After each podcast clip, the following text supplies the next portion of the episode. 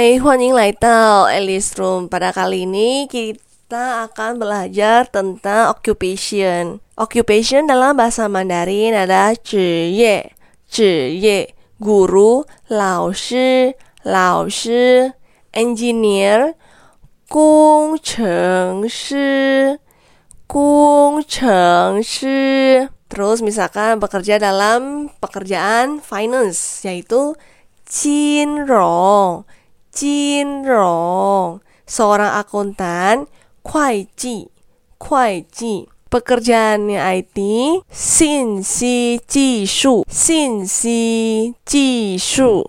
Seorang dokter, Yisheng. Yisheng. Seorang suster, Hu Shi. Hu Shi. Sekretaris, Mi Shu. Mi Shu.